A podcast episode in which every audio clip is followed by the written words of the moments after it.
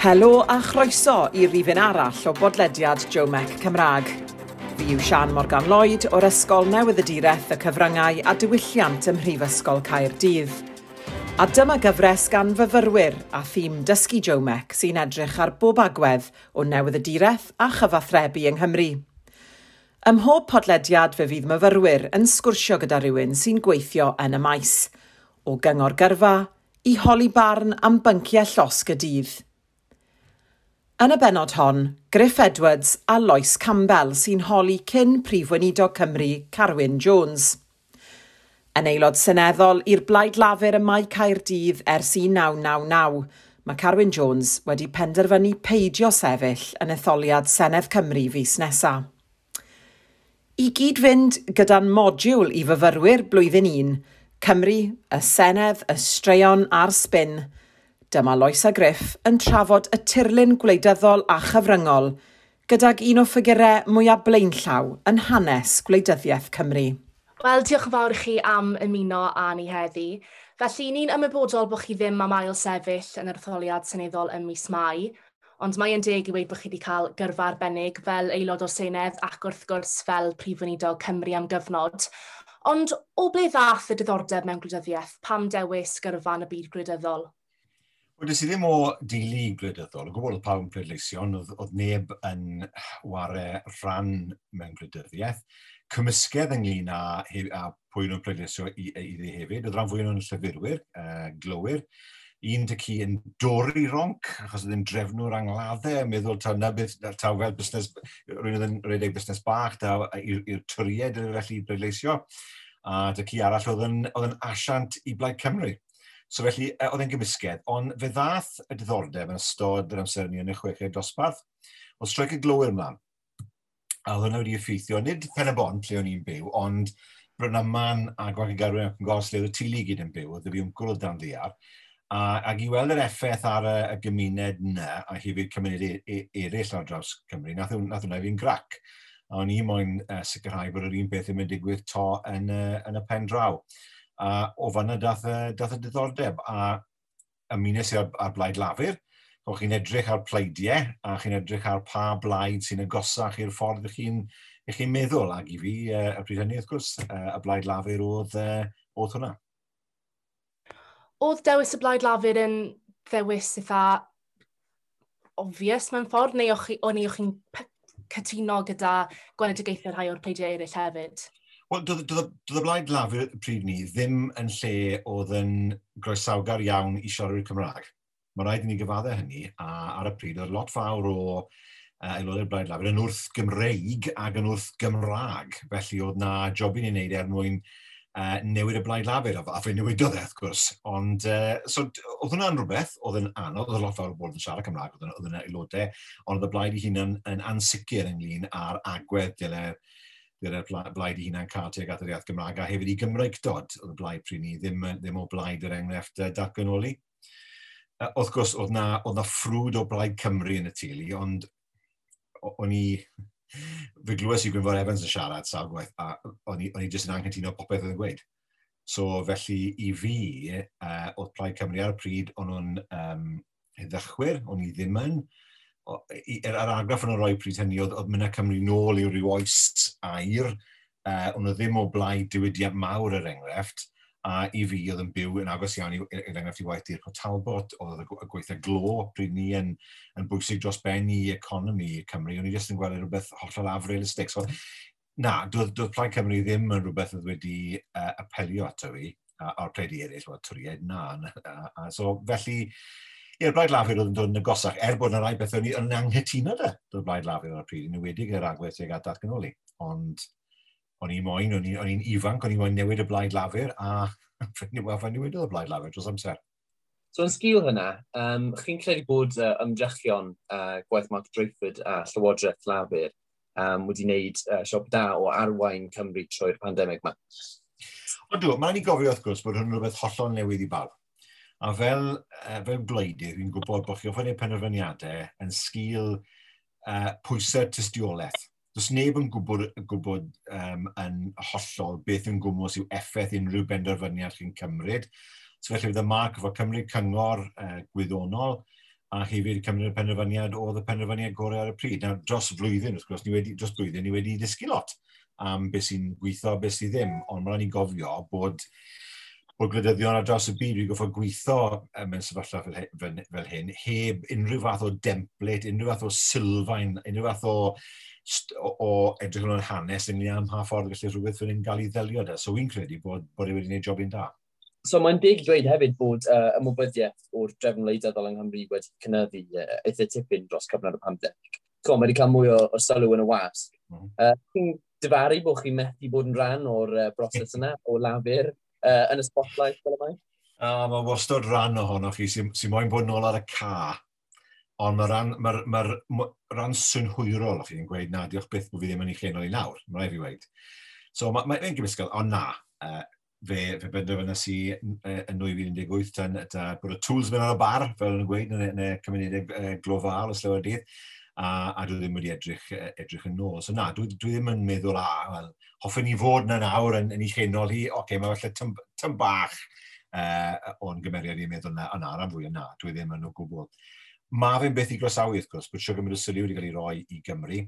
Mae'n hefyd yn rhywbeth i groesawu yn enwedig i fyfyrwyr fel chi, bod na fwy o flas nawr am newyddion o Gymru ni wedi gweld, wrth gwrs, Nation Cymru yn tefu, The National, wrth gwrs, wedi dechrau hefyd a bobl yn gweud wrtho fi, wel, ni cael tymach llan bola o ddarllen um, perau newydd o Loegr, sydd ddim yn cymryd unrhyw sylw o Gymru o gwbl. Ni nawr yn gweld bod, bod rhaid ni edrych am ffynonellau eraill sy'n rhoi newyddion Cymreig iddyn ni, achos bod rhan fwy o bobl uh, yn cael i newyddion uh, am Gymru o teledu, yn enwedig o, o, o, BBC ITV, ond bach iawn o bobl yn cael i newyddion o, o bapurau newydd. A wy'n gobeithio na bydd hwn yn... Uh, yn ddechreuad newydd uh, i, uh, i, i newyddiadureth yng Nghymru a uh, dechreuad bydd yn rhoi cyfle i bobl uh, i, i, gael, i, i weld cymysgedd uh, o ffynonellau uh, ynglyn â'r wasg uh, ar draws Cymru, achos lan i nawr, wrth gwrs, bach iawn uh, yw'r wasg Gymreig. Wel, wrth sôn am Mark Drakeford a'r cyfryngau yng Nghymru fyna, Um, yn yr haglen ddogfen ar Aspedirec oedd yn dilyn rôl Mark Shakeford fel prif weinidog yn ystod y pandemig.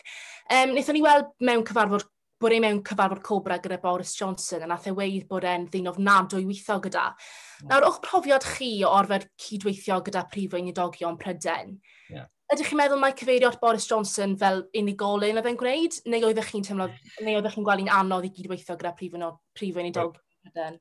Mae'n gyd yn wahanol. Gordon Brown, wrth gwrs, oedd y prif wneud o pan dechreuais i am cwbl o fisioedd. David Cameron, o'n i ddim yn ddiriau David Cameron o gwbl, uh, oedd yn gweud un peth a wedi wneud rhywbeth gwahanol. Theresa May oedd hi'n dawel, ond os, os oedd hi'n gweud rhywbeth, oedd hi'n cadw at fe. Mae un peth le wedi amdano hi. Boris Johnson, mae bo, fi wedi delio â fe.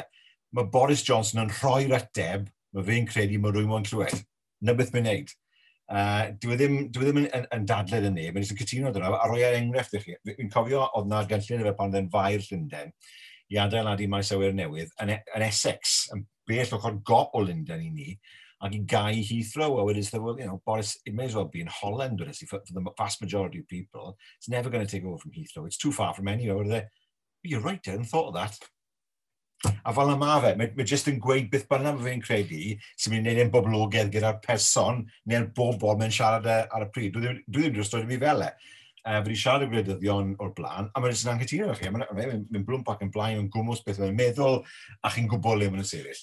Dim dy fe, achos fe wedi fe un peth i un person, a fi wedi gweud e o'r blaen. Barn Boris, ia, felly bydd y bobl anghytuno â fi ar hwn, ond barn Boris Johnson yw'r barn, uh, yw barn y person diwethaf nath y siarad e. Nawr, yn y cyfarfodydd yma gyda Prifnidog Pryden, Prifnidog yr Alban, Gog Ddiwerddon neu beth bynnag, o'ch chi'n meddwl bod llais teg gan Cymru, neu o'ch chi'n meddwl bod Cymru'n cael ei thanseilio? Oedd yna llais, oedd llais cryf dyn ni. Uh, eh, oedd e'n wahanol, wrth gwrs, oedd yna dieddiad i drin yr Alban yn wahanol, achos y ffaith eh, uh, bod nhw wastad wedi wneud hynny. Oedd e'n sioc i weithio i weld dac yn ôl i yng Nghymru. Oedd e'n rhywun yn ystyried Cymru fel cenedl, i fod yn onest o'n nhw yn ystyried yr Alban. Mae ofan gogledd Iwerddon yn nhw. So felly, um, yr agwedd tuag at gogledd Iwerddon yw just twl arian ydyn nhw er mwyn cadw nhw'n dywel. A, a, a, a sôn nhw'n deall gogledd Iwerddon nhw, o gwbl. Uh, a un o'r pethau fi wedi ffindo yn, yn Whitehall. Ond fe, fe, pan ddechreuais i yn y cynulliad fel oedd i bryd hynny, oedd, oedd strwythyr y cynulliad fel strwythyr cyngor, oedd ddim llywodraeth, uh, oedd ddim modd yn i, i, i godi arian, o ddim modd yn ni i, i greu cyfreithiau ond rei bach bach. A ni wedi datblygu ac aeddfedu mewn ffordd i le ni nawr, lle ni'n senedd go iawn sydd yn creu prif ddeddfwriaeth, uh, sydd yn creu um, sydd, sydd yn codi arian, codi, yn, yn, yn, nid, well, nid yn codi trethi yn lle yn dod i nhw lan, ond yn casglu trethi mewn ffordd sydd yn, sydd yn gyfrifol. Mae hwnna'n wedi bod yn newid mawr dros yr 20 mlynedd diwethaf.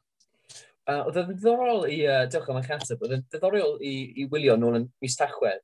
Um, nath uh, Mark Drakeford sgwennu lythyr i Boris Johnson ac i Rishi Sunak yn gofyn iddyn nhw eriannu ein firebreak lockdown ni. Mm. Uh, a gath nhw i wrthod. Um, Ti'n rhywbeth, dweud rhywbeth i chi am uh, falle uh, sylfaen yr, uh, o ran ymrwymiad y Deyrnas Unedig i Gymru? Um, a dwi'n dangos bod falle angen mwy o bwerau hyd yn oed i ni gallu uh, hyn reoli. Wel, y problem mwyaf oedd, o'n nhw dim ond bylon ariannu lle oedd na lockdown yn Lloegr. O'n nhw ddim yn ystyried Cymru a, a, a'r Alban a Gogledd Iwerddon ynglyn â a beth yr ddigwydd yna. So felly, oedd y trysorlus yn acto mewn ffordd, os nhw'n trysorlus uh, Lloegr yn ei trysorles y Dairnas Unedig, ond mae hwnna'n broblem yn y system ei hunan. Mae'r trysorles yn gallu gwneud beth bynnag bod nhw'n moyn, uh, mae fformula Barnett gyda ni, na, dwi ddim yn dadle edrych y fformula Barnett i aros fel mai, achos mae yna ma, broblemau mawr gyda'r fformula hynny, ond mae yna jyst yn osgoi'r fformula os mae fe'n fe gyfleus i nhw, so felly roi nhw biliwn o bunnoedd diogledd Iwerddon, tua hanner o o'r ariannau, dyn ni wedi cael peth o hwnna yng Nghymru a hefyd yn yr Alban, a o'n nhw'n pallu cyfaddau bod yna unrhyw broblem o gwbl, a dim byd allwn ni'n neud amdano fe. Mae yna system uh, lle allwn ni fynd trwy broses o uh, uh, o drial datrys uh, unrhyw uh, gwynion sydd gyda ni, ond nhw sy'n penderfynu uh, unrhyw uh, beth, beth yw'r uh, ganlyniad, a nhw sy'n penderfynu os, os oes yna gwyn o gwbl. Na, dyw hwnna ddim yn agored, a dyw e ddim yn deg. So felly mae rhaid newid y system er mwyn sicrhau bod y trysorydd yn fwy agored, a hefyd bod y system, um, bod e mwy o reolau yn y system, a nid bod y, y, y, y trysorydd yn gallu gwneud beth bynnag maen nhw moyn, lle mae'n siwtio nhw dyn mlaen o hwnna, so chi'n credu o, o ran cael uh, mwy o bwerau falle a ddylanwad gan Gymru, lle mae'r ffin rhwng uh, mwy o bwerau i Gymru fel llywodraeth e, uh, dyfold neu, neu canfyddiaeth i Gymru a lle chi'n sefyll ar y, y ddadl yna? Mae eisiau ail strwythuro Dynas Unedig yn gyfan gwbl. Dwi, dwi ddim, y problem yw, beth mae San Steffan wedi'i wneud dros y blynyddoedd yw just taflu pwerau rhwng y lle i gyd uh, er mwyn cadw'r Celtiaid yn dywel na dyw hwnna ddim yn ffordd gynaliadwy i, uh, i weithio. I fi, fe hoffwn i weld uh, y dynes ni'n cael ei ailstrwytho fel partneriaeth rhwng peder cenedl sydd yn gyfartal, lle bydden ni gyd yn cael um, senydd yn hunain uh, Lloegr Cymru, Gogledd Iwerddon a'r Alban ar un pwerau. Wedi bydde senydd arall, senedd i'r dynes unig, lle bydden delio'r bethau mae pawb wedi cytuno a delio'r senedd yn ei ddelio de. Er enghraifft, y ffin mewn fido er enghraifft amddiffyn. A hefyd, um, yr undeb cyllidol, sef y modd lle mae'r ma darlus yn gallu symud arian rownd i ardaros sydd eisiau'r arian. Na, mae rhai'n gweud, wel, mae Lloegr yn cyllido pawb arall. Y gwirionedd yw, mae Llundain yn cyllido pawb arall. Mae Llundain yn rhoi lot fawr arian mas o Lundain i gyllido'r dynes yn yn gyfan gwbl. So mae ma yna ma werth i hwnna. Mae yna werth wrth gwrs hefyd i gadw'r farchnad sengl er mwyn sicrhau bod, bod ni fel, yng Nghymru yn gallu, all, gallu allforio i Loegr ac i'r Alda, a, Alban a Gogledd Iwerddon. Ond byddech chi'n gweud, reit, rhain yw'r pwerau sydd gyda'r Senedd ne, y Senedd Federal, sy'ch chi moyn, a wedyn ni mae yna bwerau eraill hefyd gyda'r gyda, gyda pedwar Senedd sydd ym mhob gwlad.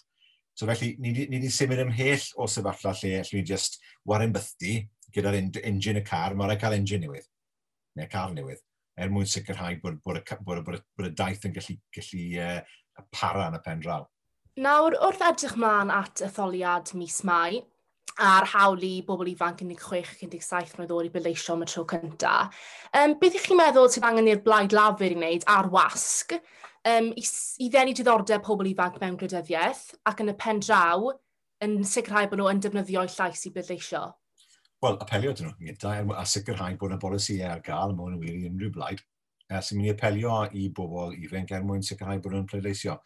Ond hefyd, un o'r pethau ni wedi disgyn weddol o ddiweddar yw, dwi e ddim yn ddigon i ddibynnu ar mo, uh, anfoddau draddod, draddodiadol o, uh, o ymgyrchu, sef dim ond croco drwsau, uh, dim ond um, delifro uh, ffurflenni, uh, dim ond mynd rownd a, a, a, a loudspeaker i, uh, i ofyn i bobl i bledio. So, mae ma rhaid hefyd wrth gwrs sicrhau bod gyda chi um, modd trwy'r uh, cyfryngau cymdeithasol i apelio at bobl ifanc, ac na le mae llawer o'n cael i, um, i ymfwyo i newyddion. So mae rhaid sicrhau bod gyda chi modd o gysylltu dyn nhw ar Facebook, yn wedig Facebook, a, a, a, a, rai o'r um, ffynonellau eraill, er mwyn sicrhau bod nhw'n meddwl bod, bod um, bod e werth i ni i bleidleisio, achos os ni chi'n neud ne, mae ma, ma lot o bobl ifanc gweud, wel, sôn yn apelio at y fi, os dwi ddim yn defnyddio'r uh, ffynonellau ni'n defnyddio er mwyn y cael ein newyddion ni. So mae rhaid sicrhau bod, fel unrhyw blaid, mae rhaid sicrhau uh, bod, gyda, bod gyda chi um, modd eff, e, effeithiol i apelio'r bobl trwyddo'r cyfryngau newydd. Diddorol iawn, diolch. Um, Newn ni gofyn cwestiwn bach mwy ysgan, bach, falle i gloi um, wrth adlywyrchu ar eich uh, gyrfa chi yma bod dydd, a os yna eich bwynt gyda chi yn y cof, beth sy'n dod nhw? Y diwrnod mwyaf, um, fi'n cofio mwy na dim byd arall, yw'r diwrnod uh, yn 2011 pan en, enllwn ni o bell o referendum uh, i gael y pwerau i greu dyddwriaeth yng Nghymru. O'n i wedi dod yn bell, a oedd e ddim yn agos. Oedd e ddim yn agos. So felly oedd hwnna'n rhywbeth uh, e, oedd yn bleser mawr i fi, mae'n rhaid fi wedi, oedd yn mor beth dwi'n ni'n wel, byddai ddim yn sefyll na swydd. Dwi'n ni'n gwybod, dwi'n swydd os er, er yn referendum yn un ffordd arall, ond e, dwi'n mor beth dwi'n digwydd i Gymru, uh, ser, se ni ddim wedi cael y pwerau hynny. Ni y dyddfwriaeth. uh, y deddfwriaeth ynglyn â thrawsblannu organau, newid y system lle, yn lle mae bobl yn gallu optio mewn i'r system i wei bod nhw'n nhw, nhw, nhw fodlon i, uh, i roi organau, mae rhaid nhw'n gosgoptio mas. Na, mae hwnna wedi mynd, oedd siwr gymaint o bobl, ond oedd ddim, ddim wedi sino dim byd, ddim wedi arwyddo dim byd. A er bod na ddim uh, broblem dyn nhw ynglyn â, a, a rhoi organau sydd wedi'n digwydd i nhw. A mae yna bobl nawr sydd yn cerdded yr hewl sy'n fyw o achos y dyddfwriaeth yna. A allai ddim gofyn am mwy na yna. A so i fi, oedd hwnna'n uchafbwynt mawr hefyd. Fel gwleidydd, mae mae rhai amserau wedi bod uh, yn, y, yn y gorffennol, lle o'n i'n cwyno am y wasg, o'n i'n credu bod nhw'n deg, ond on, nyfel del y pethau i fod. Alla fi ddim cael cymdeithas lle mae gwleidyddion yn meddwl bod nhw'n cael eu trin yn deg pob tro, achos mae rhaid wrth gwrs i'r wasg i, uh, i herio uh, gwleidyddion, a ni gyd yn, yn derbyn hwnna. So, ond mae rhaid i weid, byddwn ni'n gweud bod, bod, bod, y cyfryngau yng Nghymru mwy neu lai yn deg. Mwy neu lai. Dwi, dwi ddim yn ei gweld unrhyw stori dros y mlynedd, ni'n meddwl, hwnna'n hollol top Uh, mae wastad wedi bod rhywbeth tu ôl i fe, er bod felly fi ddim, fi ddim yn hoffi'r stori, ond na wirionedd yn y stori. Nid fel am y Llundain. Nid fel am y wasg yn Llundain.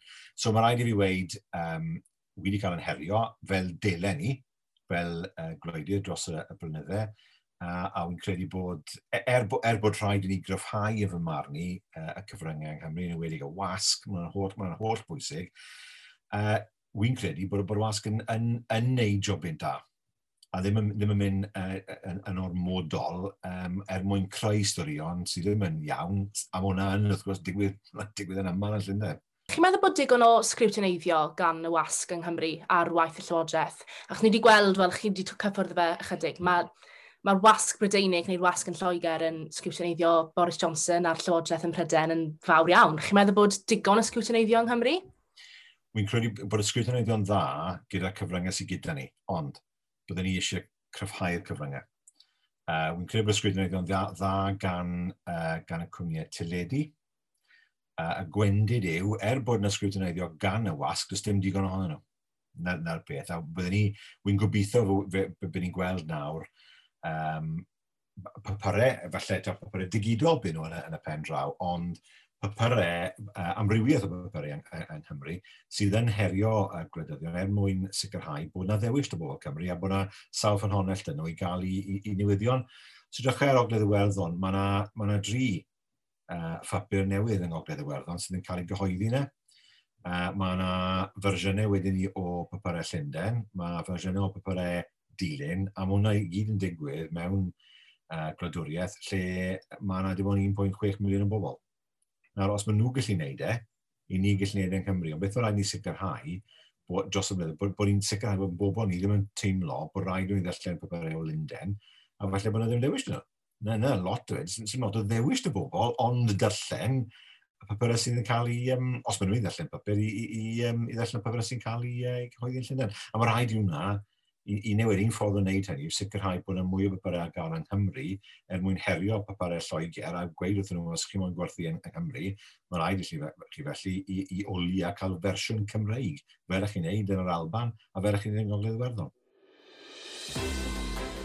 Lois Campbell a Griff Edwards yn holi Carwyn Jones. Cofiwch am weddill y gyfres, ond am y tro, diolch am ryndo ar benod ddiweddaraf pod Jomec Cymraeg.